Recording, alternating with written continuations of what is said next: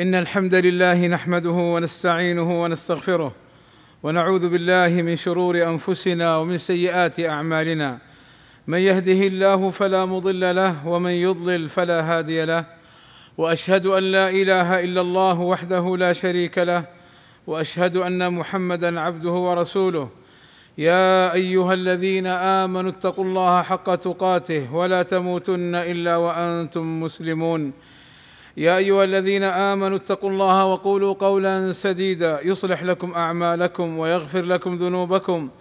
ومن يطع الله ورسوله فقد فاز فوزا عظيما.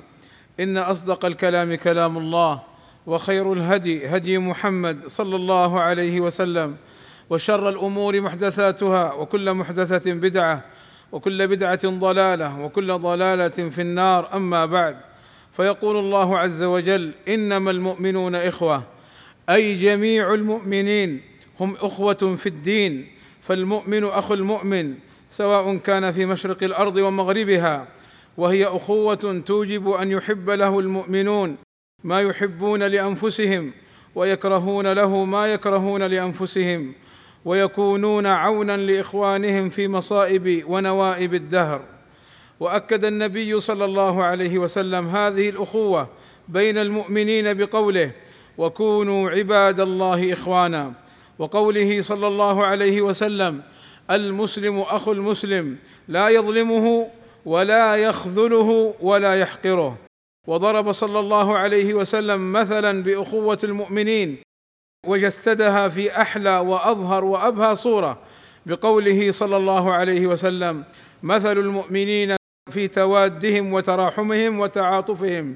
مثل الجسد. إذا اشتكى منه عضو تداعى له سائر الجسد بالسهر والحمى. وفي لفظ قال صلى الله عليه وسلم المسلمون كرجل واحد. إن اشتكى عينه اشتكى كله. وإن اشتكى رأسه اشتكى كله. وقال صلى الله عليه وسلم المؤمن من أهل الإيمان بمنزلة الرأس من الجسد. يألم المؤمن لأهل الإيمان كما يألم الجسد لما في الرأس. وقد جاءت أحاديث كثيرة في الصدقة والإحسان إلى إخواننا المحتاجين. قال صلى الله عليه وسلم قال الله تعالى يا عبدي أنفق أنفق عليك. وقال صلى الله عليه وسلم إن الصدقة لتطفئ عن أهلها حر القبور وإنما يستظل المؤمن يوم القيامة في ظل صدقته. فهذه هي حقيقة الأخوة الإيمانية. أن تحب لهم ما تحب لنفسك من الخير وأن تكره لهم ما تكره لنفسك من الشر وأن تكون عونا لهم وأن تدعو لهم وأن تعينهم على مصائب الزمان التي تنزل بهم. والله أسأل لي ولكم التوفيق والسداد وأن يغفر لنا الذنوب والآثام. إنه سميع مجيب الدعاء. الحمد لله رب العالمين.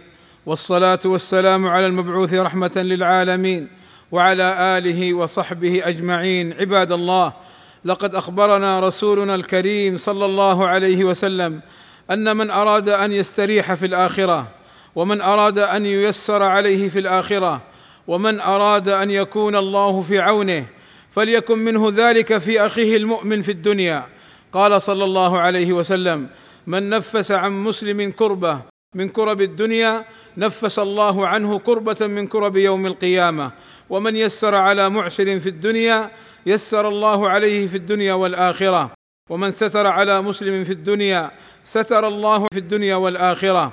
والله في عون العبد ما كان العبد في عون أخيه. كلنا عباد الله سمع وشاهد ما حصل لإخواننا المنكوبين من أهل السودان في هذه الأيام مما ألحق بهم الضرر.